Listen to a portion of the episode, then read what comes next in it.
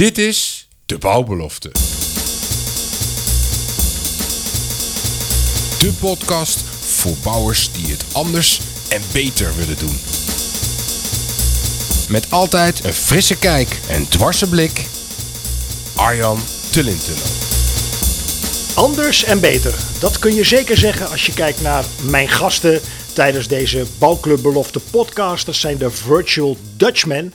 Alleen de naam al, die verbeeldt, die leidt tot verbeelding en die prikkelt. Ik heb aan tafel Bart Kok en Roelof Terpstra. Bart, ik kijk jou even aan. Eh, creatieve geest binnen het bedrijf. Je aanpak kenmerkt zich door passie, oog voor detail en oplossingsgericht schakelen. Dat zou door een marketeer geschreven kunnen zijn, want dat roept volgens mij iedereen in jullie branche. Maar je zit ook al tien jaar in het vak. Waar komt die passie vandaan? Ja, als we het dan hebben over eh, echt het virtuele gedeelte waar we het zo over gaan hebben, dat is vooral uh, ja, vanuit vroeger al, hè, eh, met de computer opgegroeid, Commodore 64, alles digitaal. En dat is zo helemaal verwoven naar het vak wat ik uiteindelijk uh, ja, via mijn opleiding kon beoefenen. En doorgeëvalueerd naar uh, ja, de laatste trends in technieken en, en, digitalisatie. En zie je daar zelf ook oud in worden, als ik het zo mag vragen? Ja, ik, ik heb al meerdere malen door de jaren heen gezegd. Ik denk dat de bejaardencentra in de toekomst, dat gaat niet over wat voor een uitzicht je hebt op het park, maar hoe goed je internetverbinding is. Dus uh, ja, ik denk dat dat wel steeds meer gaat spelen, ook in die hoek, uiteindelijk. Nou, we gaan het meemaken. Zal bij jou nog jaren duren volgens mij. Hoe jong ben je? Als het goed is wel, 38. Kijk, kijk. Nou, dan mag je nog zeker een jaar of 40 aan de bak. Denk het wel, ja, helaas. Roelof, um, Roelof Terpstra, al sinds 1995 actief met VR. Um, 3D. VR, 3D. Um, ik kan me zo uh, voorstellen. Um, ik heb er wat in verdiept natuurlijk voor deze podcast. Uh, VR en, en 3D komt nog als redelijk actueel over voor de leek, als je me begrijpt. Hè? Mm -hmm. En zeker in de, in de, in de bouwwereld. destijds was je een, een, een, voorloper, mag je wel zeggen. Hoe, hoe ben je naartoe gekomen in die tijdgeest? We praten over jaren 90 vorige eeuw. Ja, hoe, hoe is die passie ontstaan? Want zo moet je het eigenlijk wel noemen, een passie. Um, eigenlijk is het gewoon een wens, een droom om ontwerpen die je zelf maakt. Uh, want ik ben natuurlijk, uh, oorspronkelijk heb ik voor architect geleerd. Om die visueel te maken voor jezelf, maar ook voor anderen. En dat, dat heb ik altijd gebruikt om mijn ideeën uh, ja, te laten zien aan andere mensen. Om te communiceren. En was het dan knokken in het begin om, zoals ik al zei, in die tijdgeest juist mensen daar geïnteresseerd voor te krijgen? Zeker weten, want um, ik ben begonnen tijdens mijn studie bouwkunde architectuur in Delft. En dat werd eigenlijk helemaal niet gewaardeerd. Uh, docenten wilden dat jij, of die zeiden tegen mij van je moet een goed gebouw ontwerpen. Dat is de taak van een architect. Maar ik wilde, ja, ik, ik, ik wilde dat uh, ja, tonen met 3D-visualisaties. En dat, zij zeiden altijd van je, um, het is niet de bedoeling dat je voor, voor een mooie plaat gaat, maar een, een, architect moet een goed gebouw ontwerpen. Was ik helemaal mee eens, maar op een of andere manier ja, was toen de tijd uh, met de handtekenen natuurlijk uh, ja, was, was veel actueler dan met de computer tekenen. Ik bespeur een gezonde dosis eigen wijsheid. Herken je dat Bart in jullie samenwerking? Oh, zeker, zeker. Nee, uh, alles wat wij doen is op, gebaseerd op hoe wij over dingen denken. Er zit ook echt wel een visie achter.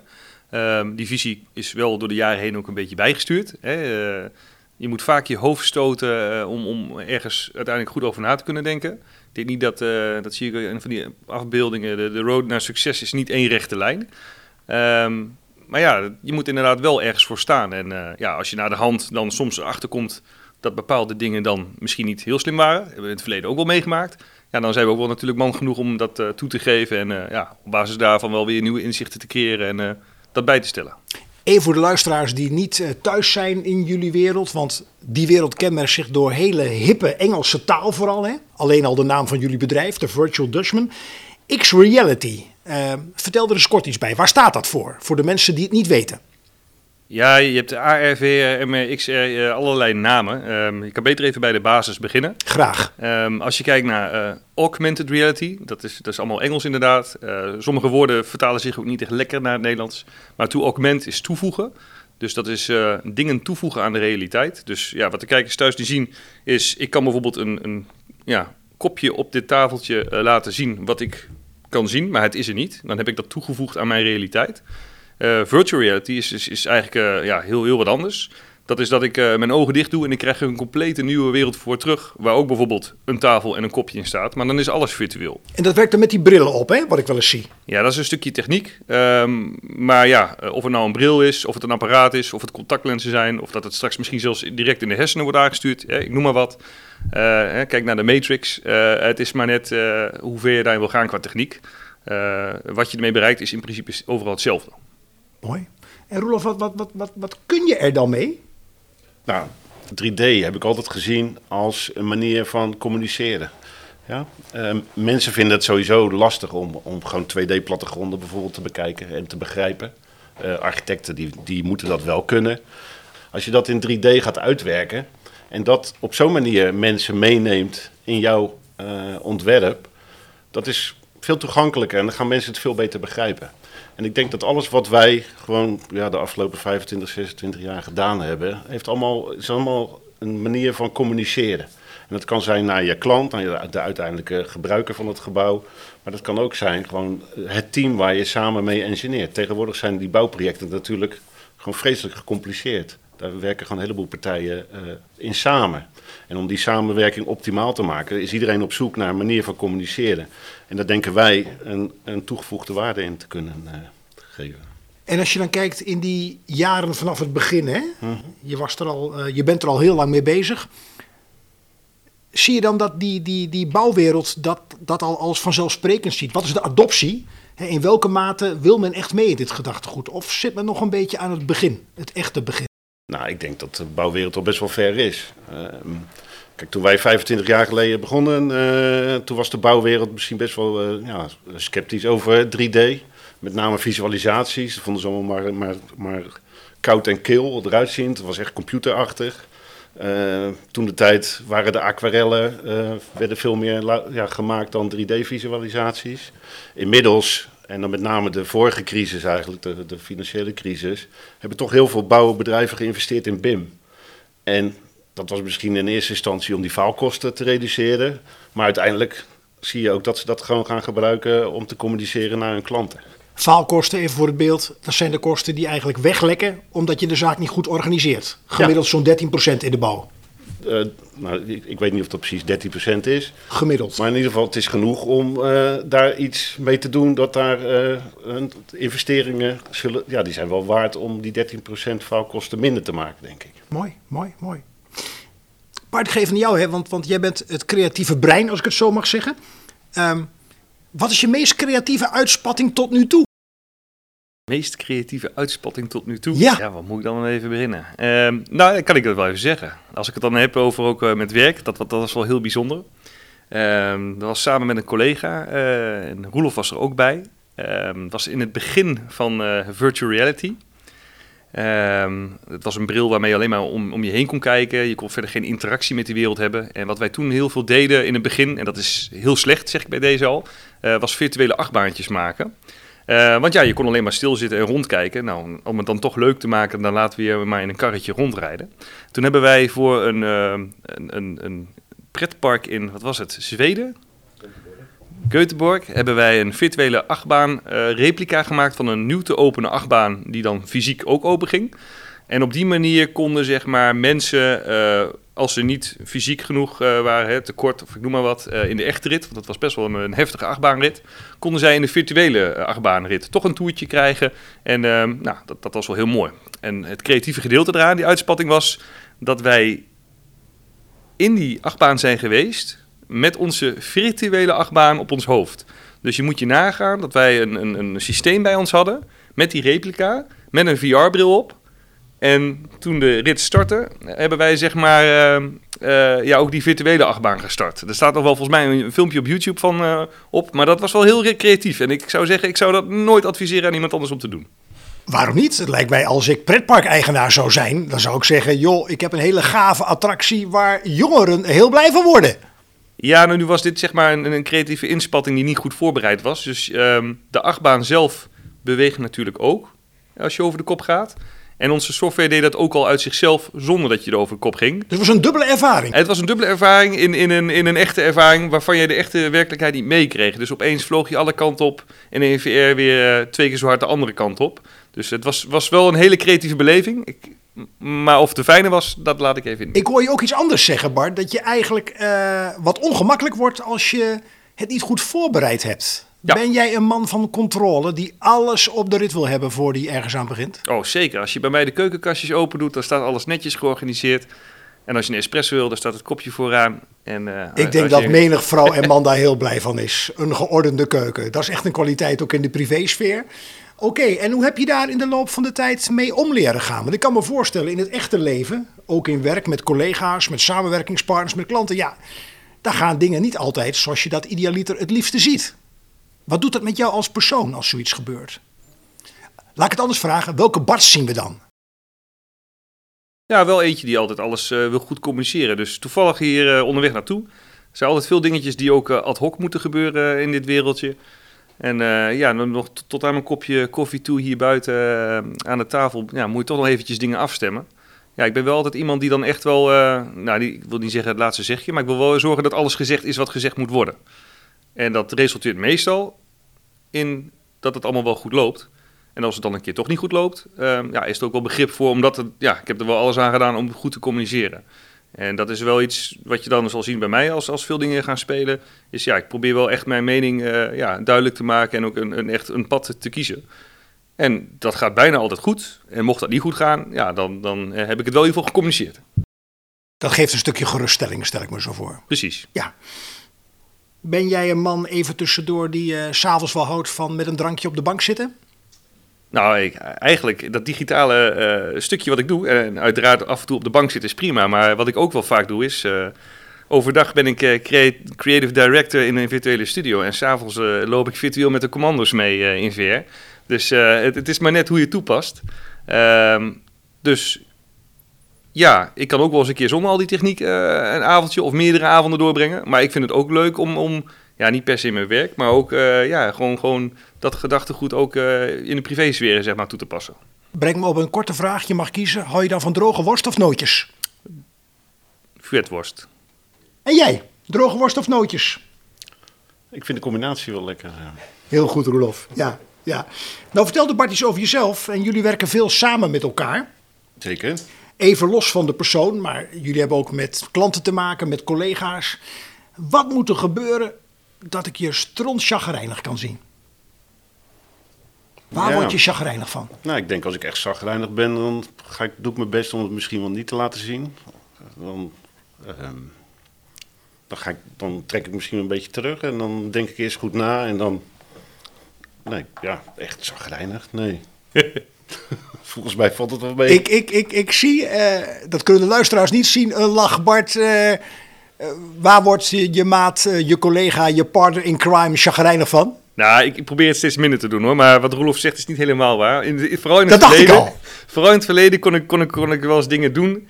En even om, om Roelof's dag helemaal in de war te gooien. En dan had hij zoiets van, nou weet je wat, vandaag werk ik wel thuis. En dan stapte hij in de auto en dan ging hij weg. Maar dat is lang geleden. Daar hebben we het over jaren geleden al. Dus nee, dat, dat is tegenwoordig wel beter. mooi, mooi, mooi, mooi.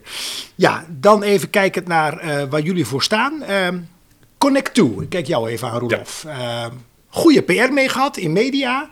Het Zeker. is een virtueel platform, Digitaal. een digitaal platform. Nou, neem eh, ons als luisteraars eens mee in wat Connect 2 precies kan en doet. Nou ja, Connect2 is een digitaal platform waar eh, mensen virtueel eh, ja, samen iets kunnen doen.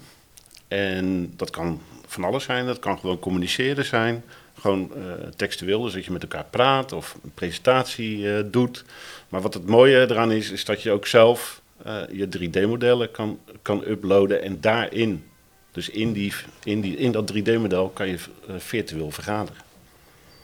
Ja, nou ben ik luisteraar. ik snap, ik probeer te snappen wat je zegt. Alleen eh, kijkend naar de vele luisteraars naar onze podcast. eh, ik kan me voorstellen dat men denkt: hey, is dat een soort Teams 2.0 of een Zoom 6.0 of een Prezi 4.0? Eh, Bart, kun, jij er iets wat, wat, wat kun je het wat in woorden wat, wat, wat beter pakken, misschien of anders pakken? Ja, mo- moet ik het even wat breder trekken naar, naar wat voorbeelden die wat meer tot de verbeelding spreken bij de luisteraars. Dus als je bijvoorbeeld kijkt naar eh, videobellen. Ehm, dan merk je dat er voor dat soort oplossingen nooit altijd één perfecte oplossing is. Uh, als ik even als voorbeeld bijvoorbeeld een, een ziekenhuis neem, en dan kan je met bijvoorbeeld Teams of Zoom kan je prima videobellen als uh, collega's, artsen onderling. Um, maar wil een, chirurg nu live meekijken op afstand naar een operatie, dan heeft hij daar hele andere vereisten voor, voor videobellen. En, en dat is dan geen Teams, Teams of Zoom oplossing. Nou, kijk zo ook even naar dat virtuele vergaderen Connect 2. Um, er zijn genoeg settings waarbij jij virtueel kan vergaderen via Teams. Hè? Vier man, uh, eentje daarvan gaat iets presenteren, gaat zijn scherm delen, hartstikke mooi. Alleen ga je daar tien man bij uh, stoppen, of ga je daar moeilijke ruimtelijke onderwerpen bij toevoegen, zoals wat Roelof net zei, dan wordt het een heel ander verhaal. Dan merk je opeens dat dat niet meer werkt in Teams of Zoom omdat het gewoon een plat scherm is. Je mist de interactie, mensen gaan hun microfoons uitzetten, mensen gaan de camera uitzetten. Uh, Theo reageert al een half uur niet meer, laat hem eens roepen. Oh, hij is weggelopen, want hij ging wat anders doen. Uh, dat werkt niet. En zo moet je het zien. Het is niet de ultieme oplossing en iedereen gaat alles in VR doen of AR. Nee, het is een, een mogelijkheid die waarschijnlijk in bepaalde onderdelen van je proces gewoon beter past dan andere oplossingen. Die ook weer hun eigen sterkte en zwaktepunten hebben. En in welke mate uh, zijn jullie daar uniek in? We zijn er niet uniek in, denk ik. Alleen uh, als je kijkt naar ons verleden, dus uh, van virtual reality, we hebben altijd virtual reality gemaakt als maatwerkproject. Ja, dus een, een... Klantspecifiek, mag ja, ik zo zeggen? Ja. Kijk, als je naar de bouw kijkt, een, een, een, een bouwer die wil naar, naar haar klanten of die wil haar klanten virtueel door een, uh, door een nieuw gebouw, een, nieuw te, bouwen gebouw, uh, virtueel laten lopen. Nou, dan stuurden ze dat model naar ons op, maakten we een offerte. Uh, waren we op een gegeven moment over eens over de prijs, gingen wij het maken en daarna twee, drie weken gingen we het leveren. Het was een heel ingewikkeld, ingewikkelde bril met een, met een dikke computer erbij, gewoon heel, heel lastig te bedienen, laten we het zo zeggen. En waar we achter zijn gekomen is dat juist uh, dat soort partijen veel liever zelf hun 3D-model, want die maken ze al zelf, gewoon uh, kunnen uploaden naar onze, ons platform en daar uh, hun klanten of teamgenoten uitnodigen om gezamenlijk door het ontwerp heen te gaan lopen en daar over te gaan communiceren. Beluister ik hieruit, Bart, het is dan meer ehm, X-Reality as a Service. Hè? Ja. Uh, de term SaaS kennen veel luisteraars ook wel. Hè? Uh, SaaS-modellen, abonnementsmodellen mag ik het zo zeggen. Mm -hmm. uh, als bedrijf hoef je niet te investeren behalve dat je iets kwijt bent per maand of per jaar. En voor de rest zorgen jullie ervoor dat alles geregeld is. En ik kan zelf als gebruiker ook dingen uploaden en er, mag ik het zo zeggen, mee spelen. Zie ik het zo goed? Ja, zie het even om het even weer te, ja, te verbeelden, iets wat mensen wat, meer zullen snappen. Uh, stel je voor, uh, jij wil een presentatie geven ergens en ik ben een, een, een, studio en ik kan de meeste mooie presentaties voor jou maken. Nou, dat kost bedrag X, ik maak dat voor jou, ik plan dat in, dat duurt even en binnen een maand of twee heb jij een hele mooie presentatie en die ga je gebruiken. De volgende dag, na die presentatie, wil jij weer nieuwe. Moet je weer opnieuw offerte aanvragen, moet je weer wachten, et cetera, et cetera. Of je hebt een paar typfouten gezien, die wil je aanpassen. Kan niet, moet je ook mij voor hebben. Maar ja, ik ben heel druk of ik ben met vakantie en je moet op mij wachten. En je moet weer betalen. Uh, dus in plaats van dat jij bij mij presentaties laat maken, geef ik jou PowerPoint. En kan je zelf presentaties maken. En kan je hem zelf aanpassen en kan je doen wanneer je doet. En dan heb je het net als Office 365, wat iedereen wel kent. Als een SaaS-oplossing kan je dat gewoon heel makkelijk binnen de organisatie uitdelen. Kunnen mensen dat gebruiken. En op die manier kan je inderdaad al morgen beginnen met jouw eigen presentaties maken. In plaats van dat jij uh, een investering van een halve ton of meer moet doen en een half jaar moet wachten. Dat klinkt helder. Uh, het is dus toekomstgericht en vanuit de gedachte, dat komt uh, bij me op nu, uh, Bart. Dat alles wat de klant zelf kan doen, de gebruiker, dat stimuleren jullie alleen maar. Ja, dat is correct. En ehm, ja, je moet het zo zien. Dit soort technologie, dit is iets. Dit, dit is al heel groot dit wordt steeds groter. En dit is gewoon wat in de toekomst. En nu komt er een stukje mening naar boven. En daar kan je het niet mee eens zijn. Maar dan, hè, dan spreken we elkaar over 10 jaar, 20 jaar weer. En dan uh, heb ik toch gelijk. Ik proef hier een zekere eigen wijsheid, Bart. Zeker, maar dat moet je ook hebben in het vak. Want anders kan je ook niet met zoiets beginnen. Um, dit soort technologie gaat gewoon platte schermpjes vervangen. En dat wil niet zeggen dat je niet meer met platte schermpjes kan gaan werken. Maar als ik gewoon even heel simpel naar een aantal voorbeelden geef, dan, dan, dan is bijna iedereen het wel mee eens Een tv in de woonkamer, als die uitstaat, is gewoon lelijk. Is een zwart ding. Het liefst heb je daar gewoon een kunstwerk hangen. En als je dan tv wil kijken, ja, dan het liefst moet die zo groot mogelijk. Maar ja, een hele muur zwart is ook niet mooi. Maar als die tv er niet hoeft te hangen, ja, dan hoef je hem ook niet af te stoffen. En, en als het niet uh, aanstaat, hoeft hij er ook niet te zijn. Nu heb je met het afstoffen vooral. Nou, ik noem maar wat. Ja, wederom, ik wil alles in controle hebben. En als je iets minder hoeft af te stoffen, is weer meer controle. Uh, en dan is alles mooi opgeruimd. Uh, hetzelfde geldt als jij kijkt naar je tablet.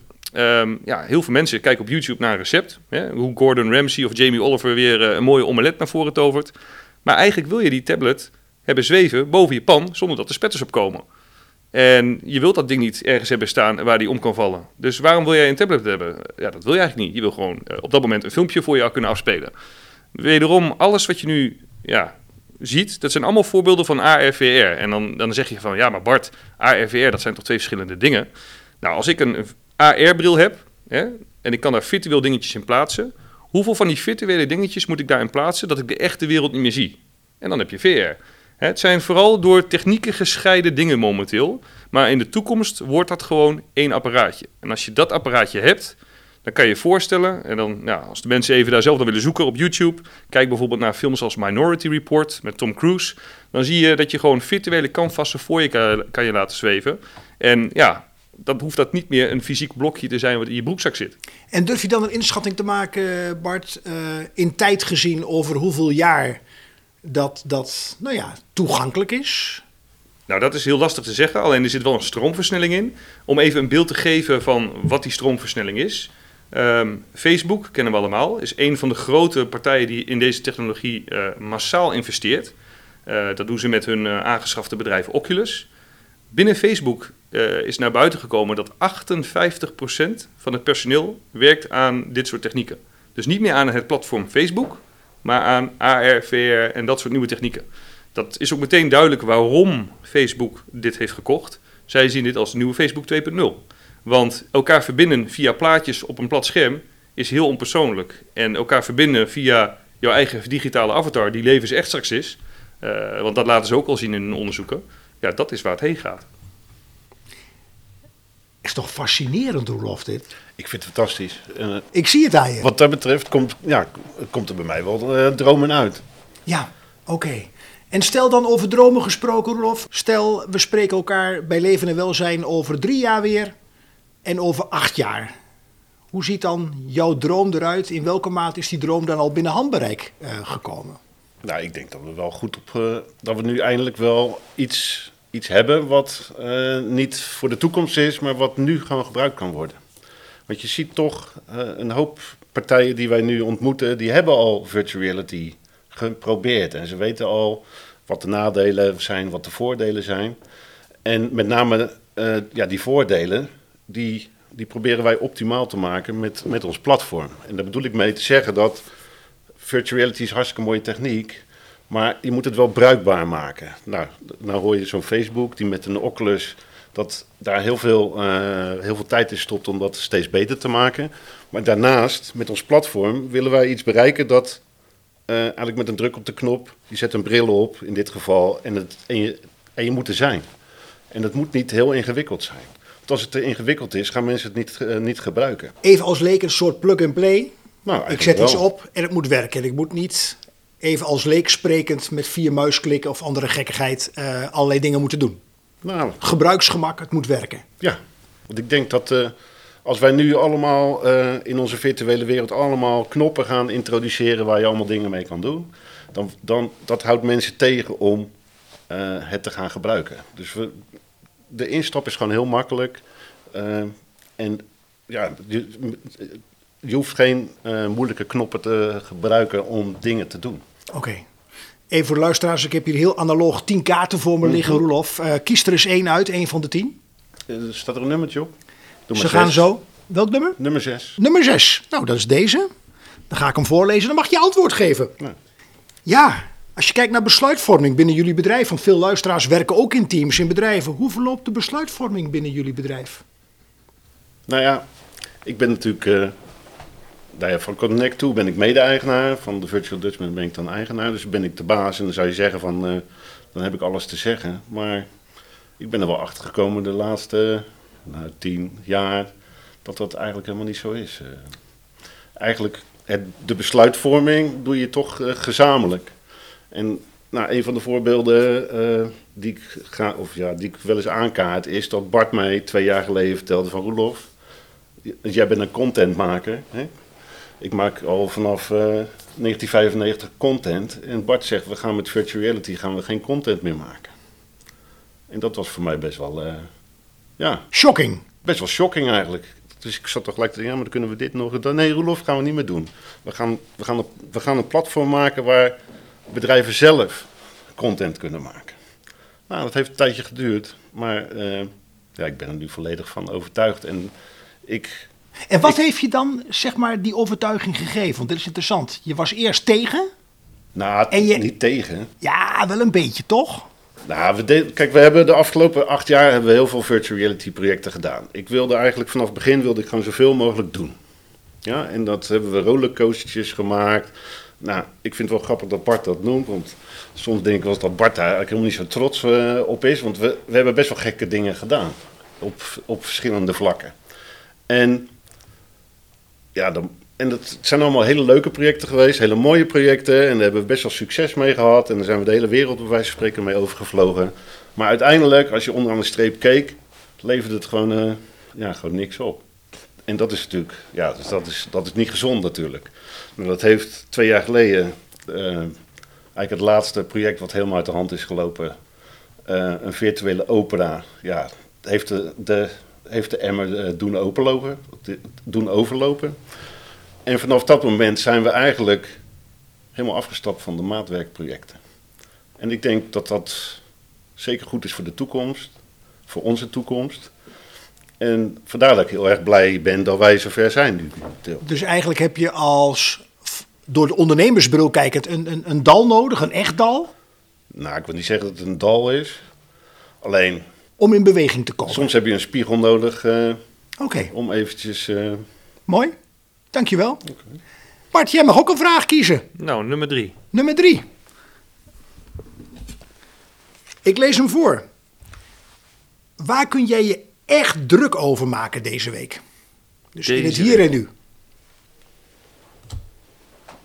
Ja, waar niet over? Um, kijk, wat, wat, wat Roelof net al zei. Um... Het mag overigens van alles zijn, hè? hoeft niet per se met werk te maken te hebben. Ja, nou, dat, toevallig uh, ben, ik, ben ik wel lekker met werk bezig. Dus uh, kijk, het waren eerst altijd maatwerkprojecten uh, en die hadden altijd een kop en een staart. En, en die staart dat duurde altijd wat langer, maar uiteindelijk was het wel afgerond. Ehm, nu is het een doorontwikkeling, dus is het meer een product wat je blijft onderhouden. En ja, we zitten nog, wel in een fase, we hebben een aantal hele interessante klanten waar we dit allemaal mee toepassen. Maar tegelijkertijd zijn er nog een hoop uh, bergen te beklimmen. En dat gaat allemaal prima. En deze week staat voor mij in het teken voor een aantal van dat soort bergen die gewoon heel interessant zijn. Dus uh, we zijn met een aantal lokale partijen zijn we bezig om bepaalde regelingen naar ons toe te trekken. Maar ook ja, via een, een Europees ja, consortium zijn we bezig, zeg maar, om dit soort technieken, ja, ook vanuit Europa, met natuurlijk voor ons als insteek Nederland, ja, naar een hoger niveau te tillen. En nou, toevallig heb ik de hele middag, en daar ben ik wel even al eh, de hele week mee bezig. En uh, ja, daar ben ik nu tussen de bedrijven door ook over aan het nadenken en uh, aan dingen aan het doen. Het staat nooit stil. ja, dat, dat hou me wel even bezig vandaag en deze week. En dat brengt mij gelijk op een andere vraag. Ik kan me voorstellen dat je dat niet beperkt van 9 tot 5. de balans werk-privé, hoe bewaak jij die? Nou, dat is een hele goeie. Dat was uh, op zich vooral met dat digitale werk is wel lastig. Dus uh, ja, ik probeer wel tegenwoordig gewoon die telefoon even met rust te laten naar werktijd. Uh, maar zodra ik wakker word, dan, ja, dan, dan, kijk ik even, geen rare berichten. En dan altijd vroeg op werk. Even rustig voordat iedereen komt, heb ik alles al, de koffie al gezet, alle lampjes aangedaan. En dan gaan we er weer gewoon de, de volle 200% tegenaan. Um, maar ja, je moet inderdaad wel leren, um, vooral inderdaad met dit soort technieken, is dat het heel veel vragen oproept in het begin bij nieuwe klanten. Alles is nieuw voor ze en dat is helemaal niet erg. Maar als je dat allemaal moet beantwoorden en begeleiden, ja, dan moet je jezelf niet in kwijtraken. Je moet wel duidelijke grenzen hebben met dat soort mensen van, joh, verzamel het even en dan gaan we het in één keer goed doen. Uh, dat zijn wel ja, trajecten uh, bij het begeleiden van dit soort nieuwe technieken. vooral dat je daar wel even extra bij stil moet staan. Het is toch anders dan ja, een website opleveren voor een klant. Ja. heel veel mensen, Rolof, worstelen met die balans werk-privé. Hè? Even los van, van jullie vak en de branche eh, waar we voor zitten nu. Ehm, vooral jongeren, hè? Eh, zeg maar even voor het gemak 25, 40, even heel grof. Eh, eh, je hebt al veel meegemaakt, Roelof. Wat, wat, wat zou je mensen mee willen geven, ongeacht het bedrijf waar ze werken eh, of de sector, eh, om die balans werk-privé toch wel een beetje in de gaten te houden? Ik weet niet of ik de goede ben die daar antwoord op kan geven, eerlijk gezegd. Want ik heb eigenlijk. Ik zie dat. eh, bij mij is dat helemaal verweven, eigenlijk. Misschien wel. Ik, maar ik zeg altijd zelf: ik kan, ik kan heel hard werken, kan ik. Maar waar ik ook heel goed in ben, is gewoon keihard relaxen, eigenlijk. Ik denk dat je. Dat, dat moet je wel kunnen, denk ik.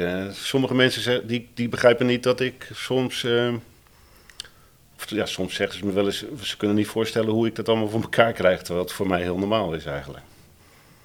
Dat zegt iets over een van jouw kwaliteiten, zonder dat je, dat je dat misschien bewust bent. Want je praat erover, dat zie ik ook en kunnen luisteraars dat niet zien, maar je praat er heel relaxed over. Jawel, maar ik ben natuurlijk, ik ben natuurlijk eigenlijk een soort Tarzan ben ik. Ik ben gewoon mijn bedrijf begonnen eh, tijdens mijn studie. Ehm, en ik heb eigenlijk nooit echt voor een baas gewerkt. Dus ik, ja, ik doe het eigenlijk op mijn eigen manier. En ik heb ook nooit, eh, ik ben geen bedrijfskundige of zo. Kijk, soms loop ik wel eens eh, tegen die, zo'n muur aan natuurlijk. Maar ja, daar leer ik dan weer van. Dus ja, ik kan je daar niet goed, een goed antwoord over geven, denk ik. Ik ga toch even naar je compaan, je partner in crime. Eh, Bart, als je dat zo aanhoort, dan, dan hoor ik wel dingen tussen de regels door die blijkbaar maken dat Roelof daar goed mee om kan gaan. Herken je dat ook in hem? En wat, wat, wat heb je daar zelf van overgenomen of zou je over willen nemen? Ehm, ja, dat, dat keihard relaxen, eh, die, die knop, dat, dat lukt mij ook wel bij vlagen, maar standaard niet. Eh, dus dat Roelof dat soms in het kan doen, dat, dat is wel iets wat, eh, wat, wat ik ook wel zou kunnen toepassen, meer, af en toe. Maar dat heeft vooral te maken met ook ehm, ja, met, met, met hoe ik dingen plan. En misschien moet ik, dat is misschien ook wel iets waar ik ben tegen aangelopen ehm, met, met dat afgelopen eh, ja, jaar van corona. Ehm, vroeger had je altijd van die fysieke meetings. Hè? Nu ook, dan zijn we hier op één locatie. En dan, ehm, ja, dat was ook even voor mij weer, samen met Roelof in de auto. Het is een momentje van rust. Wat ik op die manier eigenlijk heel vaak had. Want dan ging je daar weer heen, ging je naar het westen, ging je naar het oosten, ging je naar het noorden. En dan had je af en toe op eh, in een drukke week weliswaar toch wel een paar momenten dat je even of gewoon lekker muziek kon luisteren, meeschreeuwen in de auto, in de file. Of eh, even gewoon eh, naar het thuisgrond bellen. Of toch even met een collega rustig wat afstemmen tussen de bedrijven door. En wat ik wel heb gemerkt, en daar heb ik nu ook wel iets meer eh, mee gedaan, is, is dat met al die online meetings, vooral collega's, mensen die plakken het allemaal aan elkaar. Want ja, je bent toch op één plek. Hè? Je kan van de ene meeting naar de andere doen. En ik heb wel in een, in een aantal weken een keer gehad dat ik zo gefocust was op zo'n vierkant schermpje voor me de hele dag. Dat je daarna nog twee uur eh, thuis eh, ook automatisch daarop op te focussen met alles wat je doet. Nee, dat moet je niet doen. Dus dat is misschien ook een tip van de luisteraars. Ik denk dat je meetings, ook al duren ze maar een half uur, plan gerust een uur of anderhalf in. Die tijd is eh, altijd wel gevuld weer met andere dingen. Maar als je dat te strak op elkaar doet, eh, ja, dan, dan kom je helemaal niet meer aan je rust toe. Tot zover de tip van Jip. Hey. Krijgen we er zo bij, gratis en voor niets. We gaan naar een afronding van deze bouwclub belofte. Ehm Roelof, ehm, kijkend naar de luisteraars en jullie vakgebied en de uitdagingen die er zijn. Hè, waarbij ehm, toch ook wel het woord adoptie is al even gevallen. Hè? Hoe, hoe, hoe krijgen we de wereld zover dat ze daar echt achter gaan staan? Ehm, wat zou je eh, de luisteraars, de geïnteresseerden mee willen geven als laatste woord? Ehm, nou, ik denk dat iedereen gewoon op zoek is naar zijn eigen manier van communiceren. En dat wat wij maken, een platform waar je met virtual reality dan eh, samen kan zijn en kan communiceren, is natuurlijk hartstikke mooi, maar het moet wel passen bij jouw ja, manier van presenteren en van, van communiceren. Ehm, ik denk, en dat, ja, dat weet ik eigenlijk wel zeker, dat de toegevoegde waarde van virtual reality en augmented reality, dat die best wel bewezen is al. Dat zie je al gewoon in verschillende rapporten voorbij komen. En ik denk in de bouw dat eh, zeker het hele 3D-modelleren en het 3D-engineeren, dat dat gewoon een grote plaats eh, inneemt in het, in het bouwproces. En dat, ja, je, dat virtual reality de, ja, in die manier van communiceren daar een hele grote toegevoegde waarde in kan geven. Met name dat je dingen op schaal ziet. Dat je veel, dat je zou merken dat je veel minder langs elkaar heen communiceert en maar gewoon direct to the point bent. Mooi, dankjewel. Aan jou ook uh, de vraag. Wat zou jij uh, de luisteraars van de bouwclub Belofte nog mee willen geven? Nou, ik moet even dan een paar dingen zeggen, want dan kan ik ook heel concreet uh, zijn. Um, drie dingen. enerzijds kijk even naar de technologie zelf. Dus kijk dan vooral even naar de vorige keer dat dit soort disruptive technologie werd toegepast. Het internet. Opeens wou iedereen een bedrijfswebsite maken. want dat was internet en dat was hip. Maar wat waren de eerste websites? Nou, dat was een foto van je fysieke kantoor met een telefoonnummer eronder. Kijk, we hebben een website. Nou, pas daarna ging men ook kijken van, hé, hey, ik kan er veel meer mee. Ik kan mijn uh, helpdesk daarin inrichten. Uh, ik kan producten verkopen via internet. Hè. Pas toen ging men echt nadenken. Uh, nou, zo kan je ook naar VR kijken. toen wij begonnen met VR, we waren wel als, ja, als een van de eerste van, van, van Europa en zeker in Nederland waren we daarmee bezig. Um, ja, het werd vooral toegepast op beurzen hè, als, als uiteinde. Net als die eerste websites. Van kijk ons, innovatief zijn met een ja, stukje beleving. Nou, wat je nu gaat zien is dat bedrijven echt gaan kijken van... hé, hey, hoe ga ik het in mijn proces toepassen? En dat is heel belangrijk, dat je echt kijkt naar de meerwaarde in je proces. En niet als uh, uiting naar buiten toe, want we willen innovatief uitstralen. Nee, je moet het zijn. En dan moet je het niet uh, ja, vertellen, mensen zien dat wel. Als jij het in je proces hebt zitten. Nou, kijk dan vooral naar de toepasbaarheid. En dat vind ik altijd wel leuk. Ik haalde er net al uh, PowerPoint aan. Um, ik gebruik PowerPoint voor mijn bedrijfspresentatie. En mijn dochtertje die maakt er een presentatie over Katy Perry van op school. Dezelfde tools, maar heel erg verschillend met wat je ermee kan. En dat is juist de kracht daarvan. En dan kan ik dat over, ja, meteen vertalen naar hoe ik en mijn dochtertje PowerPoint gebruiken. Kan ik even kijken naar onze zakelijke klanten in de bouw, die dat doen. En het is hetzelfde platform, het is dezelfde tool. Maar een partij als Dure Vermeer die loopt er met een aantal stakeholders door nog te bouwen operatiekamer heen. En een partij als Walraven, dat is meer een, een, een leverancier voor installatietechniek, die gebruikt het meer om hun nieuwe modulaire uh, ja, horizontaal distributiesystemen, zoals we het zelf noemen, uh, in te presenteren en toe te lichten aan klanten. Dus wederom, compleet verschillende doeleinden, hè? maar ze kunnen wel met die tools alles doen. En het mooie is, als zij nou vervolgens zelf denken van, hey, dit poppetje binnen dit bedrijf is met die functie begonnen ermee. Maar vervolgens ziet hij ergens in de branche iemand anders iets compleet anders doen met dat platform. Ja, niets houdt hem tegen om dat ook over te nemen. En dat is wat uh, ons platform zo sterk maakt. Mooi. Laatste vraag. Um, jullie slogan, um, of een slogan, Working Together Without Boundaries. In gewoon Nederlands, Roelof, als laatste vraag. Wat, wat kun je daarbij vertellen? Ja, de, de, de, de mogelijkheden zijn eindeloos je moet je voorstellen uh, dat als je op ons platform terechtkomt, kom je in een mooi kantoor en, uh, of een mooie, mooie venue waar je dan mensen kan ontmoeten. En daarna ga je naar het holodeck, noemen we dat. En dat is een eindeloze wereld. Ja, ik, uh, misschien dat mensen nog Star Trek kunnen herinneren. Zeker. Dat, op, op, het, op, op een holodeck kan je alles doen wat je wil. Nou, dan is dat bij ons misschien niet alles wat je wil, maar het is wel een oneindige wereld waar je, waar je jouw dingen in kan doen. En ik denk dat dat wel, uh, dat onze slogan daar wel in, uh, in dekt. Dankjewel, een mooie afsluiting van deze bouwclub belofte. Dankjewel Roelof Terpstra, dankjewel Bart Kok. Ja, samen met z'n allen roept het bij me op op een holodeck staan, als variant op een helideck. Nou, dat lijkt me wel een hele leuke. Vind je ook niet, Bart? Ja, zeker. Alleen het drankje moet wel echt zijn. Daar ben ik het mee eens. Nou, dank jullie wel uh, voor jullie bijdrage aan deze podcast met als thema X-Reality en nog specifieker X-Reality as a Service. Tot de volgende Bouwclubbelofte.